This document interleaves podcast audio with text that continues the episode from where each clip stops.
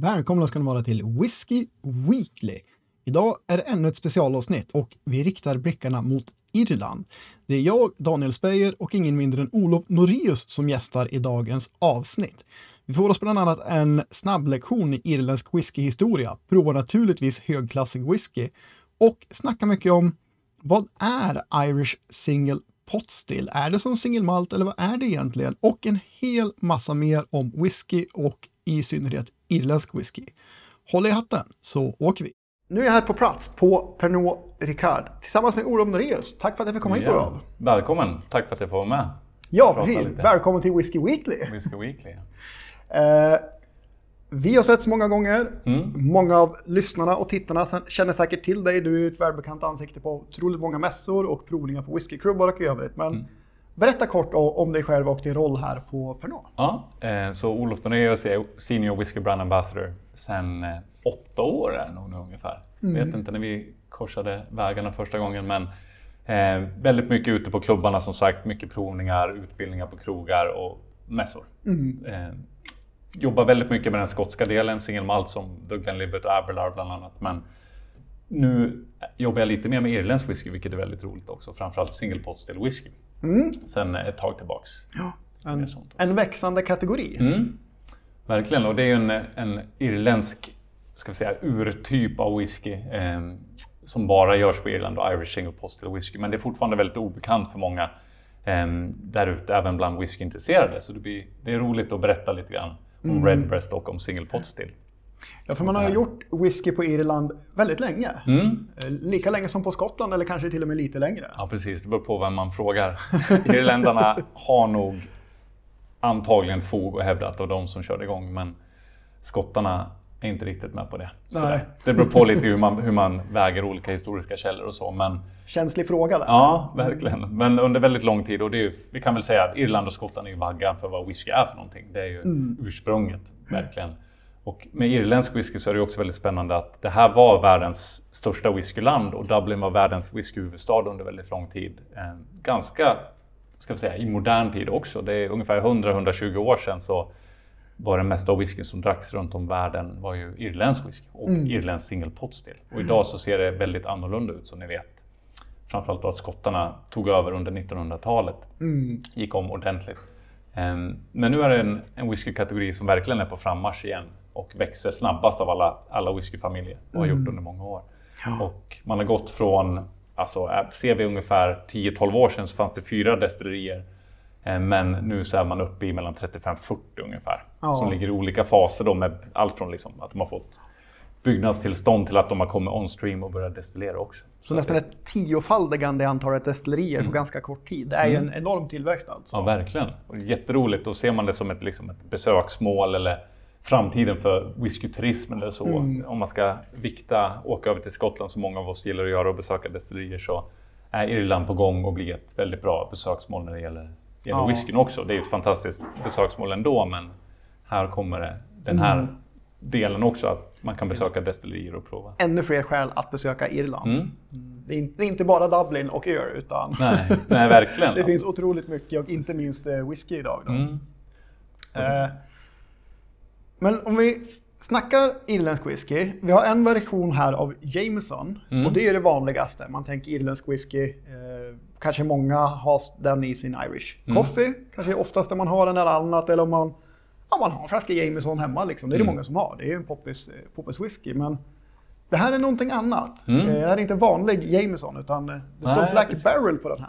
Exakt, så Jameson Black Barrel är en vi kan kalla den en finare Jameson eller en mm. premiumbuteljering från Jameson. Mm. Eh, som du säger så är det ju väldigt, alltså Jameson Original är ju en väldigt populär, det är den mest populära och mest sålda irländska whiskyn överlägset mm. i världen. Mm. Och utan att gå in på hela så historiska bakgrunden, om man gör det väldigt kort, för det är en sittning på några timmar om vi ska gå igenom alla aspekter på det såklart. Men man kan säga så att på grund av en massa externa faktorer så höll irländsk whiskyindustri på att gå under helt och hållet. Mm. Från världsdominans till att det bara fanns en handfull destillerier kvar. Mm. Och de här destillerierna, då, bland annat Jameson, men också Powers och Cork Distillers, som mm. var konkurrenter, de valde att gå ihop mm. och eh, bygga och renovera och bygga nytt i Middleton utanför Cork för att samla sina, sina resurser helt enkelt och inte mm. konkurrera med varandra.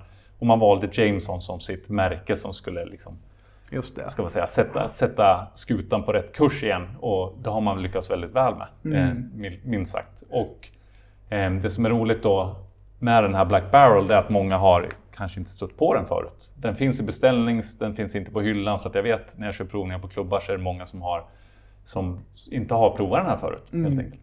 Nej, jag hade inte sett den förut faktiskt. Den, den är ny för mig också. Vä- väldigt kul. Mm. Eh, Och just Black Barrel, du sa det, det är korade fat. Och, eh, varför gör man inte så? För korar man fatet? För Mm. roast eller rosta känner ju alla till. Men liksom, när det är korat, då har man faktiskt satt eld på faten Mm. för att få riktigt liksom, påverkan. Men vad är det man vill ås- åstadkomma med det? Alltså det finns ju egentligen många, många delar i det här. Alltså allt från rostning till, till kolningen, olika traditioner bland annat. Men alltså, ska vi liksom se på tungbinderi i sig och så, det är ju, alltså, man värmer eken för att kunna böja och, eh, och binda tunnor eller binda fat av det. Men den här kolningsgraden, och det är precis som du säger, Black Barrel då som namnet är, här så jobbar man, det finns lite europe, rostade europeiska fat att lägga sherry innan, men det här är framförallt en bourbonlagrad whisky. Och i USA så jobbar man upp till maximalgraden av, av char level då. Eh, det är väldigt många hårt kolade fat i den här.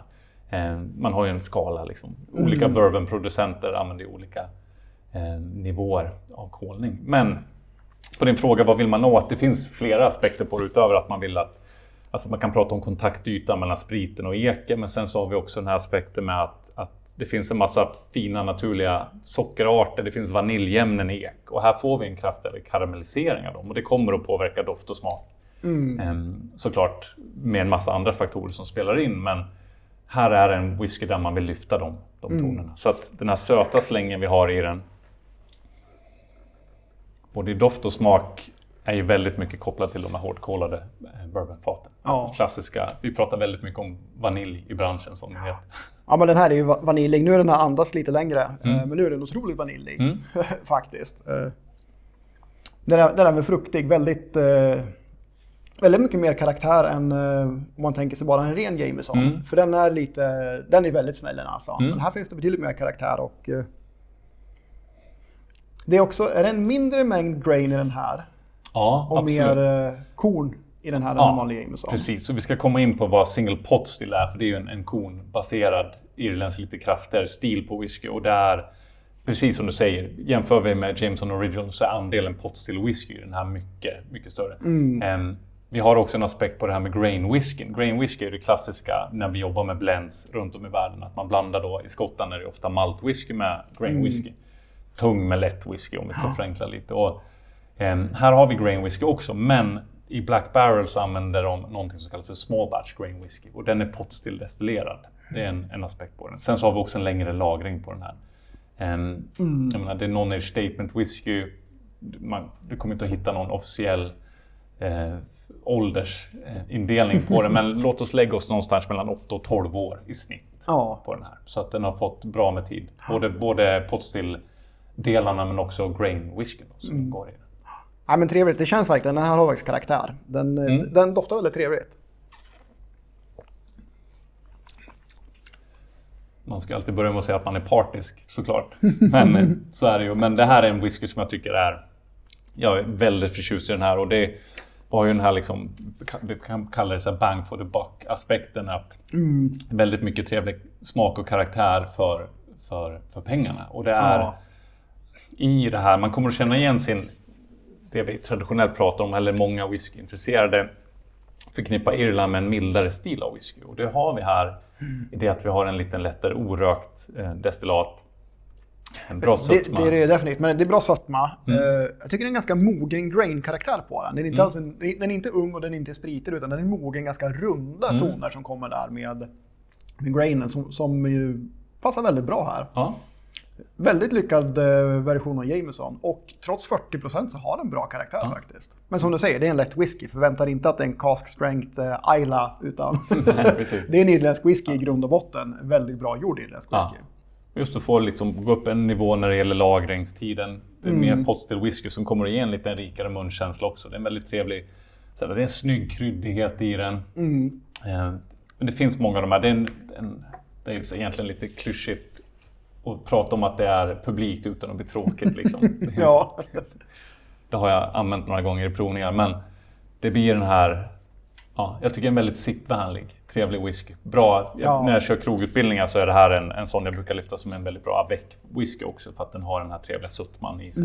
Vaniljen, frukten. Eh, lite Ja, men- tropisk tycker jag. Den, har alltså, den här tilltalar nästan alla som skulle kunna tänka sig att dricka en, en alkohol, alltså Mm. en sprit, Mm. skulle jag vilja säga. Det finns ju ingenting som någon skulle bli upprörd över i den här. Nej. Men den har väldigt mycket av det, av det goda, Mm. alltså väldigt mycket goda toner. En trevlig. Ja. Lite sådär, som sagt, mindre känd variant av ett väldigt känt märke. Ja. Rolig att ha med. Jag gillar att ha med den här på provningar också. Och skapligt bra pris på den här också va? Mm. 383 ligger Ja. ja men det är väldigt konkurrenskraftigt är det, Mm. definitivt. Eh, avec en sommarkväll kan även funka framför brasan om man vill ha en lättare whisky. Mm. Alltså den, är, ja, men den tilltalar. Det, det är väldigt bra. Och jag är imponerad på 40% av Jameson. Det här liksom... Ja, det slår högre än 383 sa vi. Mm. Ja, det tycker jag att den gör. En här personlig, ett sätt jag gillar att dricka den här också, utöver om man kanske laborerar i cocktails, men det är också till en god öl. Liksom. Tycker Mm. den här är- kanon att ha. Man ska inte kliva på på någon dubbel-IPA eller turbo stout eller någonting, men en klassisk torr irländsk stout. De brukar ligga där runt 4,2 procent någonstans där. De, de är bra kompisar. Ja, det kan jag tänka mig en fin pairing där. De, Mm. eh, de kan hålla, hänga med varandra utan att någon tar över den andra. Ja, precis. Eller om man går mer ale-spåret eller ambers eller sånt. Funkar Mm. väldigt bra. Men beställningssortiment, det är det på alla tre ska vi säga, Mm. på beställningssortimentet. Men de finns tillgängliga. Ja. Eh, Men om vi kliver in då på den lite mer nördiga sidan av irländsk whisky, för Mm. det är ju trots allt det det är. Än, än så länge Mm. eh, blir det lite, lite av nördarna som känner till det. Men Irish Single Pot Still, Mm. vad är det för något egentligen? Precis. Så det här med single pot still whisky som en del kanske har stött på eh, eller så har man inte hört det förut och det är ju då ska säga, det historiskt mest typiska irländska sättet att, att koka whisky. Enkelt uttryckt så är det väldigt likt en malt whisky men det irländarna gör det är att man gör en mash bill eller ett sädesrecept där man kombinerar mältat med omältat korn. Och för er som känner till reglerna för skotsk maltwhisky så är det ju, eller för maltwhisky också på Irland, så är det ju bara mältat korn som gäller om man ska göra en maltwhisky. Men en single pot still, då får vi den kombinationen då med omältat med mältat. Det kommer väldigt mycket ha, ha rötterna i en, en, en hög maltskatt som introducerades på 1780-talet som gjorde det mycket dyrare. Och man ville inte betala onödigt mycket skatt till engelsmännen såklart. Så det var ett sätt att runda det där lite fint så tog man in Precis. portion omältat korn. Exakt. Och det gör man fortsatt idag då med en, när man gör det här. Det finns också historiskt att man har jobbat med lite andra sädesslag i det. Det behöver inte vara korn. Det finns bland annat eh, ja, men havre har använts historiskt och det finns destillerier som kollar på gamla mashbills eller sädesrecept också. Men i de här som vi ska prova nu, Redbreast 12 och 15, så är det en kombination av mältat och omältat korn. Det finns två intressanta aspekter i det tycker jag. Den ena är det att eh, det finns andra destillerier runt om i världen som kollar på exakt samma sak och gör samma sak och tar i en portion omältat korn för att få annan karaktär på det. Men skälet att man mältar överhuvudtaget är ju för att det är ju ekonomiskt vinnbart. Man får ju igång sockret i, i kornet på ett annat sätt och kan ju utvinna alkoholen betydligt lättare. Så att man, att man har den här kategorin där man måste ha det, det gör ju också att det blir en dyrare produkt att framställa faktiskt. Så det, jag tycker det är inte, i två intressanta aspekter. Dels att det funkar, det blir bra whisky. Det är bevisat i 100, äh, 300 år snart på Irland. Men också att det är andra destillerier ute i världen som tittar på och gör exakt samma sak. Ja, men allt det här med alltså, hur du kombinerar. Det är jättebra att det finns, det finns väldigt många fördelar med att det finns regelverk kring, kring vad vissa, alltså det blir för spretigt annars och det kan liksom garantera en så här lägsta nivå. Men det finns ju som du nämner med massa nya världen destillerier om vi ska kalla det det. Eh, alltså just det här med att laborera med olika sädesslag eller kombinationer. Allt sånt är ju bara roligt liksom. Det är men- alltid det blir bra men det, det är jättekul. Liksom Ja. kan vara värt att nämna på när vi är inne på det här med regelverket, att, så här sidospåret, men eken är det ju som gäller för irländsk whisky också och de här är ekfatslagrade helt och hållet just de här vi provar idag. Men Och det är yngsta dropparna som man anger på flaskan, precis som i Skottland. Ja, precis. Och det är tre år som gäller där också. Och, det, och anger man det på flaskan som du säger så är det allt yngsta. Men på Irland så tillåter man faktiskt andra fat än ek också. I Skottland så måste det vara ek, i USA måste det vara ek. Men i Irland, de tillåter, det måste vara fatlagrat men det är godkänt att använda annat än just ek, även om det är väldigt ovanligt. Ja, för även Irland antar jag lever mycket på den amerikanska bourbonindustrin, att det är en väldigt dominerande fattyp. Ja, extremt. Mm. Eh, extremt. Det på liknande sätt som i Skottland. Alltså, man kan slänga sig med olika siffror, men låt oss säga gå in på lagret på Middleton så Mm. kommer du säkert att hitta 90 bourbonfat. Ja. Liksom. Sådär. Eller på ett lager på Irland. Det, det gick ju något rykte för ett tag sedan att man ska börja tillåta återlagring av bourbon i USA. Mm. Det vart det oroligt av. Vi får se om det är verklighet eller inte. Men Ja, precis. Jag har hört lite. Men det har varit på ryktesnivån. Det jag har Ja. sett i alla fall. Jag alltså, det samma, men- samma här, bara hört, hört tugget. Ja, nej, det kan bli stökigt om det blir, blir så. Men vi har ju två Red Breast här, Mm. 12 och 15. Eh, Red Breast är alltså rödhake, en söt liten fågel Mm. som pryder flaska och eh, även kartong här. Och just Red Breast whiskyn är ett av två överlevande single pot still-märken. Alla andra dukar ju under, trots att de var världsdominerande så un- ungefär över 100 års tid så Redbreast, jag vet inte hur gammalt det är från början, men det överlevde i alla fall Mm. eh, den värsta, mörkaste tiden och finns kvar än idag. Så att eh, det borgar ju också för att det är någon sorts kvalitet som man har prövat under lång tid. Ja, det finns dels den aspekten och så sen så har vi liksom det här menar, arvet, om vi får prata lite högtravande kring det. Och som du säger, det här med att överleva. För att när irländsk whisky höll på att gå under helt och hållet så var en av nycklarna till att vända och, och börja bygga upp kategorin igen, det var att man började fokusera på att göra blended whisky då. Alltså att kombinera med grain och potstill eller malt på vissa destillerier. Men Precis som skottarna gjorde då för att precis. sälja mer. Ja, men det här kom väldigt mycket senare på Irland. Det här, är- alltså jag menar Powers och Jameson, det var sent, eh, ska vi säga, sent 60-tal när man bytte stil från att vara ren potstill whisky. Liksom. Ja, men det har ju uppenbarligen funkat för det var det som efterfrågades liksom, globalt bland världens whiskydrickare. Det var den här lite lättare, mildare stilen. Då. Ehm, men apropå gammalt, så här, Redbreast. Jag tror första hänvisningen det är tidigt 1900-tal, det är 1910-1912 där det finns i press och liksom sparat i arkiven. Men det kommer ursprungligen från en oberoende vin och sprithandlare som heter Gilbis som låg eh, för er som har varit i Dublin så har vi O'Connell Street som är en av huvudgatorna och där, det hette Sackville Road tidigare och där låg Gilbits. Eh, Norra delen av O'Connell Street. Ehm, och det är på norra sidan av floden Liffey som rinner igenom och en bit därifrån, också på norra sidan, så har vi då Bow Street där Jameson hade sitt destilleri. just det. Så att när Gilbis då vin och sprit handlaren, när de importerade sherryfat eller port eller alla typer av fat. Eh, man tog sina tomma fat därifrån till Bow Street och så fyllde Jameson whisky i dem, Postal whisky. Och så sen så lagrar man och buteljerar under eget märke då, som Redbreast. Men man har haft det här ja, historiskt väldigt långa samarbetet just med Jameson. Ja, ja just det. Så det har alltid varit Jameson som har varit Redbreast egentligen. Mm, precis. Ja, men det är imponerande. Eh, Ska vi prova lite på Ja. tolvan där? om vi kollar på Redbreast 12 lite närmare i glaset. Mm. Härligt fruktig, lite torkad frukt. Här har vi sherry-influens, men Mm. inte en sherrybomb. Men man känner att det är eh, en, en mix av sherrylagringar definitivt Ja. i, i, Ja, i den här.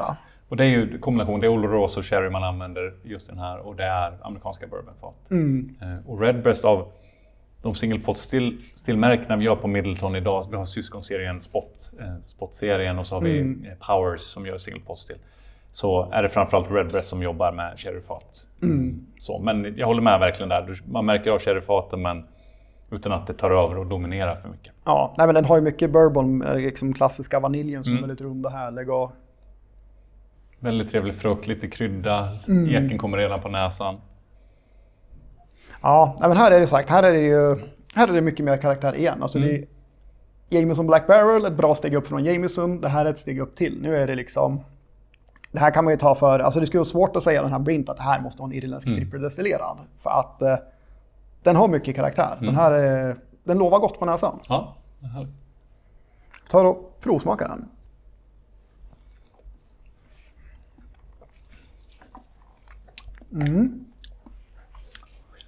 Händer det lite mer va? Ja. Härlig lätt oljighet och kryddbettet och från faten. Mm. Väldigt härlig kombination där, så man inte alls... eh, Den är 40 procent. Mm. Men den har mycket karaktär och djup och faller inte alls platt som viss 40 procent i whisky kan göra. Alltså, det gör det när man har druckit mycket whisky. Alltså Mm. det, whisky är 40 procent för att det säljer lättare då. Men om man druckit whisky länge så vill man gärna ha kanske 46 uppåt. Mm. Men den här erbjuder mycket, mycket karaktär ändå. Jag håller med dig. Och det, det är såklart en kombination av en massa faktorer. Dels att det är sherryfaten som ger lite mer tyngd, lite mer karaktär. Sen så har vi minst 12 år eh, lagring. Och så sen så är det liksom per definition, det här, nu har vi, jag pratat lite om vad single pot still är för någonting, men stilmässigt så tenderar det att ge en fylligare, kraftigare stil. Mm. Ofta lite kryddigare. Eh, det finns en fetare känsla, oljigheten i den, Mm. som vi förknippar med, med pot still whisky också. Eh, och alla de här delarna finns med här. Vi har såklart det är en orökt whisky, väldigt fruktdriven, men sen så har vi den här trevliga kombinationen av ja, kryddbettet, Ja. eken, eh, destillatet också som har en liten kryddigare karaktär. Den lilla torrheten ligger kvar ganska länge tillsammans med mycket fruktighet också. Mm. Jag vet inte om vi sa det, men Redbreast, vi nämnde det innan, men det är bara korn i det va? Ja, Så precis. det finns inget annat, eh, det är ingen grain eller sånt, utan Nej. är det Irish single pot still, det är bara, i den här är det bara korn. Precis, så det är bara korn men just kombinationen av mältat och omältat. Det är från ett destilleri, Middleton utanför Cork, så då kan vi använda ordet singel precis som med singelmalt. Mm. Och den destilleras bara i, i traditionella enkelpannor av koppar. Då, fina Exakt som man klassiska. har på Skottland. Mm. Så att, eh, det gör det ju, det skänker väldigt mycket karaktär, Mm. även om den är, eller även om, den är trippeldestillerad. Ja. Men liksom, de beha- behållit mycket karaktär i den. Mm. För det är en jätteintressant del det här med alltså trippeldestillering är ju någonting som vi ofta, och jag menar det pratar jag ofta själv om när jag pratar om irländsk whisky, för det är någonting vi förknippar med stilen på irländsk whisky och det är väldigt vanligt förekommande. I Skottland är det ovanligt med trippeldestillerad whisky, även om det finns. Och det är väl, Ehm. Är väl ett, Ja, ja, den jag kan komma på egentligen som precis. gör Sen det. finns det några som har lite kombinationer av olika, eh, även om Glenkinchie fortfarande kör. Ehm, Ja, de ja. kanske har någon trippeldestillering de också. Ja. Men jag tror, jag tror Auchentoshan är de enda som kör enbart Ja. eh, trippel. Så att, och den är ju känd för att vara lite mildare, alltså vi pratar lättare lowlands whisky. Mm. Men en jätteintressant aspekt på det här tycker jag, eller en, en del som är viktigt att säga, det är inte så att per definition för att du trippeldestillerar så måste det bli superrent och superlätt. Utan Mm. det finns en massa andra sätt att skruva på det under destilleringen för att styra Ja. karaktären. Ja, destilleringen, maltningen av kornen man har som man Mm. mältar, liksom, ja, pannornas utformning, hur man kondenserar och liksom, Precis, alla de här många faktorer vart man skär och sådär. Ja. Precis, Så, framförallt skärningspunkten är väldigt viktigt att lyfta Mm. fram och det kan man ju styra för de här pannorna vi har nere på Middleton där man gör Redbreast men också potstillen som ska vara basen i Jameson men också då Yellow eller Green Spot. Mm. En, man använder samma pannor för, för massa olika märken och då är nyckeln att kunna styra stilen på dem. Några blir Mm. lättare, några blir tyngre och då är det mycket skärningspunkterna som man Ja. ehm, vad ska vi säga, liksom, det är huvudverktyget för att Ja. dra dem åt olika håll. Om man tar med mer ur varje, varje kokning, varje kokningsomgång exakt. eller liksom bara tar mittendelen. Mm. Och hur du kombinerar liksom vidden på, på hjärtat då. Mm. Men är en härlig whisky. Ja. Redbreast Torv. Väldigt trevlig. Och det är som sagt, det, även om det är en liten kategori så är ju Redbreast 12 är ett, du nämnde att det är ett av få, tillsammans med Green Spot var det det enda single postil-märket som överlevde när man slutade göra postil whisky i princip Mm. på Irland. Ehm, men det här är också det märket som har verkligen liksom varit frontfiguren i den här Mm. återuppbyggnaden av kategorin. Liksom. Och många har fått upp, eller provat sin första single pot still så har det ofta varit Redbreast 12, Ja. vågar jag säga, i Sverige eller globalt. Liksom. Mm. Nej, men det är jättefin whisky. Mm, Eh, vi nämnde det lite lätt, men också att när det är single pot still i Skottland, där känner ni alla till säkert att det är ju reglerat. Det ska vara så här. Och det är likadant här. Man kan inte runda någonting och kalla det för Irish single pot still om man inte följer det i regelverket. Nej, att, eh, precis. Och det måste ju vara irländskt, alltså ursprungsskyddat.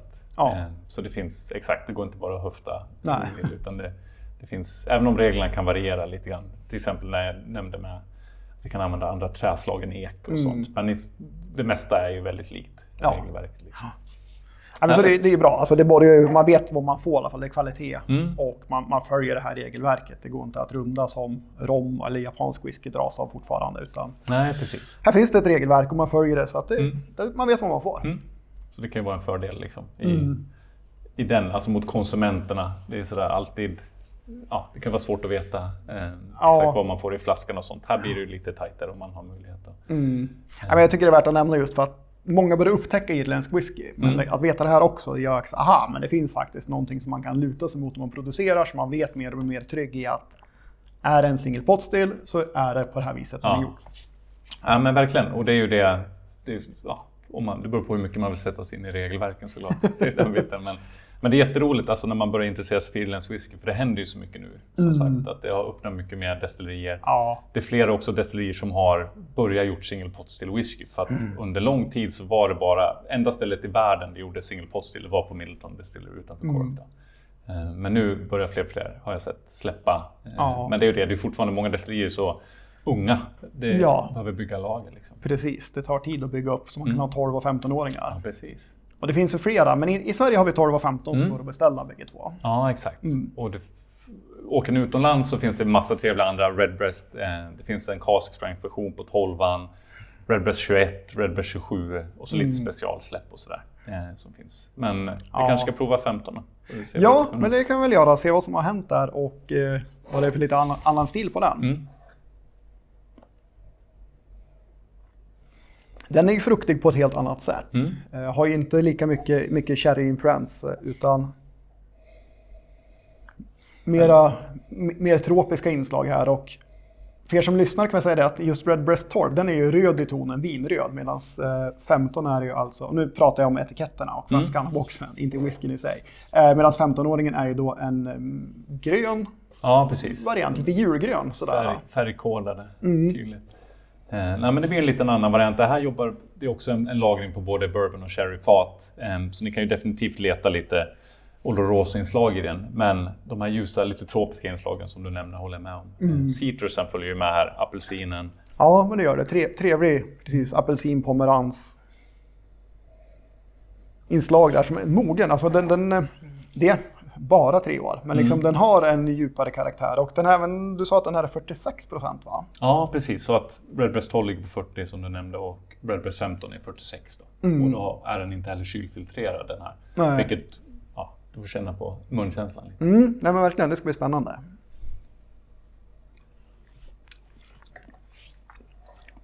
Mm. Mm. Mer gomfyllande. Mm. Verkligen. Torvan var lite olligare. Den här är inte det. Men den är väldigt len och fin alltså, i hela gommen. Den liksom fyller ut på ett annat sätt. Och faten tar mycket mer plats här. Ja, och finishen känner du att eken rullar på väldigt, väldigt mycket mer i den här. Ja, Ehm, personligen så brukar jag inte ha vatten i den, men det är ju en smaksak. Jag tycker eken och tanninerna får lite för stort spelrum där om man tar några droppar. Jag tycker att det biter på lite. Det kan jag faktiskt tänka mig. För här är den väldigt, väldigt eh, för mig också balanserad där jag vill ha det. Jag har mycket fatinslag. Men jag har mycket av sötman som kommer ifrån både bourbon och sherryn och fruktigheten där. Som eh, spelar med varandra. De spelar inte ut varandra. Precis, och lite honung. En väldigt fin, snygg, torr, lite kryddig finish på den där. Liksom. Ja, men den ligger ju kvar verkligen. lite, men det här initiala som kommer en ganska, det är mycket mer intensiv smakbild på den, eller vad vi ska kalla den. Ja men det var det verkligen när man så här, tuggar på den så verkligen, då känner man Mm. oh, nu var det mycket här. För mig så är det alltså, nu är det de här två Redbreasts vi har i Sverige, men provar ni single pot still och andra märken, just det här med munkänslan. Du nämnde det här med tugga. Ja, Alltså just att en del av dem är, alltså man kan verkligen sitta och känna så, alltså hur den ligger bak i gommen på tungan. Och Jag tror aldrig jag kallat en whisky tuggvänlig förut, men det finns någonting med det där hur man ja, Single pot still för mig det är väldigt mycket kring munkänslan också. Liksom att det blir den här lite intensivare fylligare. Det här är också orökt och trippeldestillerat men det här är väl ett bra exempel på att det behöver inte bli supercleant och rent bara verkligen för att det är trippel. inte. Liksom. Det, inte för att den här, den, den är inte skitig, tänk inte Springbank. Men alltså det är mycket, mycket mer karaktär än Mm. vad eh, man om man inte provar irländsk whisky eller redbreast, man tror att trippeldestillerat, men då är det, då är det platt. Mm. Men det här är inte platt någonstans. Nej, här, är- ja, den här är riktigt bra kvalitet. Mm. Ja, vad kul. Och det är ju ja, det är väldigt, väldigt trevligt märke här om man inte har, har testat förut. Och vi får väl se liksom på sikt om man kan bredda serien lite. Det är fortfarande ett så pass, vad ska vi säga, i, bland svenska whiskyentusiaster är det ganska ung kategori i det att den har ju liksom inte jättestort fokus och det finns inte jättemycket produkter inom den. Liksom. Förhoppningsvis kan vi få in lite mer. Det kommer att släppa, det kan vara kul att avslöja. Eh, I höst så har vi vår första single cask från Redbreast någonsin som vi kommer att släppa i Sverige. Eh, så det ska bli jättekul. Så Kul. Det kommer mer info om det framöver. Det är en riktigt skoj nyhet. Eh, En singelkask, irländsk singelkask är otroligt ovanligt. Mm. Det är fåtal som släpper det och eh, kul från Redbreast dessutom. Ja, precis. Så Eh. det ser vi fram emot. Får man se vad det är för fattyp och ålder sen då, men Ja, eh, precis. då blir det så, All info kommer. antar jag, cask strength Mm. i alla fall. Precis. Det är verkligen så. Alltså den, det är klart det kommer att vara en grov filtrering, men Mm. direkt från fatet. Ja, Inget utspätt, eh, inte kylfiltrerat. ja. nej. Eh, Ja, men härligt. biten, det blir ju jättespännande att se vad som kan hända då. Nu Mm. fatet kan vara så individuellt, men kul ändå att se då med maximal alkoholstyrka från fatet och börja prova sig ner och se Ja, där och hitta precis. lite olika nivåer.